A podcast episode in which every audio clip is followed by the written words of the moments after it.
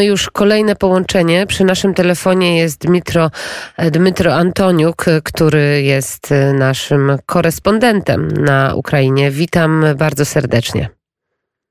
Witam Państwo serdecznie też. Proszę powiedzieć, jak minęła noc w obwodzie chmielnickim, dzisiejsza noc? E, jestem w samym Chmielnickim teraz e, i przenocowałem tutaj w Chmielnickim. Minęła e, odnośnie spokojnie, ale na początku nocy dwa razy też byliśmy w schronie, bo, bo był alarm powietrzny. Także byliśmy tutaj też. Mm, no, ale tutaj naprawdę jest spokojnie i w porównaniu do tego, co obserwuję i co słyszę od swoich bliskich, którzy pozostali w Kijowie, to, to tutaj jest życie prawie jak w czasach pokoju. Chociaż w, w Kijowie też dzisiejsza noc i e, poranek mieli też odnośnie spokojnie. No właśnie, to jakie głosy od pana najbliższych płyną z Kijowa? Przed chwilą Konrad Falencki też potwierdzał to, o czym pan mówi, że jednak ta noc nie była tak e, straszna, tak niebezpieczna, jak się spodziewano. No, e, właściwie mówiąc, e, dzwoniłem się ze swoimi bliskimi. Oni powiedzieli, że e, po prostu zostawali pr- przez całą noc e, w swoim mieszkaniu, e, bo po prostu zmęczyli się strasznie e, non-stop przez każde 15 minut schodzić do schronu i tak po prostu przespali całą noc, mimo to, że wyli syreny i był alarm powietrzny i tak to było.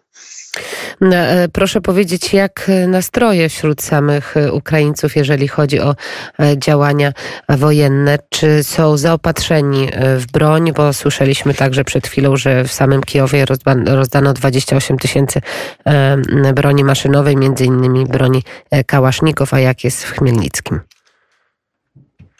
W Chmielnickim nie powiem, bo nie mam takiej informacji, ale w Chmielnickim ludzie są absolutnie tak samo zdeterminowani i gotowi na odparcie wroga, jak i wszędzie na Ukrainie. Absolutnie e, taka sama e, sytuacja. I bardzo się cieszę, słuchałem teraz wypowiedzi e, kolegi Konrada, że na Niwkach zniszczono sabotażystów z Wagnerowców, a Niwki, proszę Państwa, to jest mój rodzin, moja rodzinna dzielnica. I bardzo się cieszę, że tak e, dzielnie e, moi też e, rodacy tam na Niwkach sobie poradzili z tymi Wagnerowcami. Proszę powiedzieć, jak Państwo odbierają, jak Ukraińcy odbierają negocjacje, które toczyły się wczoraj. Najprawdopodobniej jeszcze jakieś będą się toczyć na linii Kijów-Moskwa. Popierają takie rozmowy? Mm, raczej nie. E, jest, no, zależy pod, na, na, pod którym warunkiem, na których, e, pod którym warunkiem to będzie. To, czyli z naszej strony jest absolutnie e, taka narracja taka, że oni bezwzględnie muszą, bez żadnych warunków muszą po prostu wycofywać się i, i to natychmiast z Ukrainy i przestać działania wojenne. I w takim, i w takim razie już e, będziemy coś tam e, prowadzili dalej, jakieś e, negocjacje. A jeżeli będą jakieś in, inne warunki, to ludzie po prostu tego nie zrozumieją. Szczególnie po tym, co się zdarzyło się wczoraj w Charkowie, w, w Sumach, w Czernichowie. Teraz obserwowałem też, akurat teraz o 8 godziny spadła wielka, potężna bomba na centralny plac w Charkowie, zabijając cywilów, bo akurat skończyły się godzina policyjnej. Ludzie wyszedli y, po zakupy do e, sklepów spożywczych i nagle spadła bomba w samym centrum e, Charkowa i zabiła, na pewno zabiła e, i cywilów. Także ludzie po prostu nie zrozumieją żadnych warunków, jeżeli coś tam ktoś spróbuje oddać, na przykład Charków tam albo zajęty higienicznie, albo jeszcze coś. Ludzie tego nie zrozumieją. Ludzie są, ludzie chcą, żeby wróg natychmiast wycofał się z, Ukrainy i zaprzestał, na, najpierw zaprzestał działania wojenne i dalej wycofało się z całej Ukrainy, w tym oczywiście z Kryma i z Donbasa.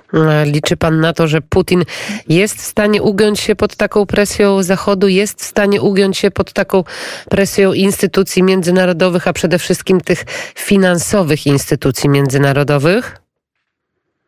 E, myślę, że to jest niemożliwe i cała e, jego postawa, ca, ca, wszystko, co my obserwujemy, co my, czemu jesteśmy świadkami teraz, e, wskazuje na to, że on absolutnie nie, u, u, nie jest ugięty te, takim, takim, takim presją. On jest po prostu chory i cała nadzieja jest tylko na to, że ktoś z jego otoczenia jego naszym, naszym, naszym takim swęgiem zawali, czyli po prostu zabije. Też informacja z wczoraj, że Ukraina mm, podpisała taki wstępny wniosek przystąpienia do Unii Europejskiej. E, prezydent Wołodymyr Zełański właśnie taki wniosek złożył, podpis, e, także ten poparło kilka krajów, między innymi w tym Polska. Jak ta informacja z kolei została e, przyjęta na Ukrainie. Rozmawia się w ogóle o tym, czy jest to dzisiaj mało ważny element e, w sytuacji międzynarodowej. Dokładnie tak. To jest dla nas już mało ważne, naprawdę. To jest e, oczywiście bardzo fajny gest, bardzo super fajny, e, symboliczny, e, symboliczny gest i nawet jeżeli Ukraina, e, Ukrainą e, przyjmą nareszcie do rodziny europejskiej oficjalnie, a e, jasne, że Ukraina i tak od wieków należy do rodziny europejskiej od samego początku jej historii, to, no to będzie fajnie, ale powiem też taki żarcik, który u nas już chodzi, e, że chcieliśmy, my desperacyjnie apelowaliśmy do tego, że przed e, atakiem Putina, że e, weźcie nas do NATO. Po prostu błagamy.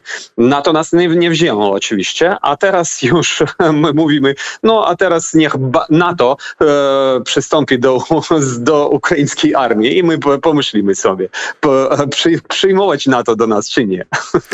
Proszę jeszcze powiedzieć na koniec naszej rozmowy, jak wygląda ta rzeczywistość w Chmielnickim dzisiaj? Jak wyglądają ulice? Jak wyglądają bankomaty? Czy są otwarte, czy zamknięte sklepy? Czy, mm, czy ta rzeczywistość właśnie wojenna da się bardzo mocno odczuć na, ulicy, na ulicach Chmielnickiego? Oprócz tego, że e, są e, ozbrojeni patrole, e, dużo e, wojskowych, dużo policji, dużo e, obrony terytorialnej na ulicach, e, nie da się zauważyć tego, że jest stan wojny w Chmielnickim. Także życie jest tutaj jak zwykłe. Wszystko jest otwarte, wszystko działa. Wczoraj byliśmy w supermarkecie. Naprawdę wszystko jest absolutnie jak za czasów w pokoju. A jeszcze taką, e, taki wątek też dodam, że wczoraj e, załamał się nam samochód e, i przyjechaliśmy do, no, do remontu tego samochodu. Zostawili tam ten samochód, bo nie było tej detali, która jest potrzebna, żeby jego naprawić. I wyszedł do nas właściciel tego salonu, te, tego remontu i zapytał, co, o co chodzi, co, co jest, jaka jest sytuacja ci mamy nocleg tutaj w Chmielnickim, że on zapewni nam nocleg, że on nas odwiezie gdzie, gdzie trzeba, że on, nas, on nam da jedzenie i tak dalej. My jesteśmy nie, nie on nie jest, my nie jesteśmy jego znajomymi, on nas nie zna, ale po prostu przyszedł do nas i zaoferował swoją pomoc. E, także no, e, taka jest solidarność na Ukrainie. Bardzo dziękuję. Dmytro Antoniuk, ukraiński dziennikarz, podróżnik, e, członek Narodowego Stowarzyszenia Dziennikarzy Ukrainy. Był gościem poranka wnet, korespondentem poranka wnet. Do usłyszenia i bardzo dziękuję panie redaktorze. Do usłyszenia. Trzymamy się.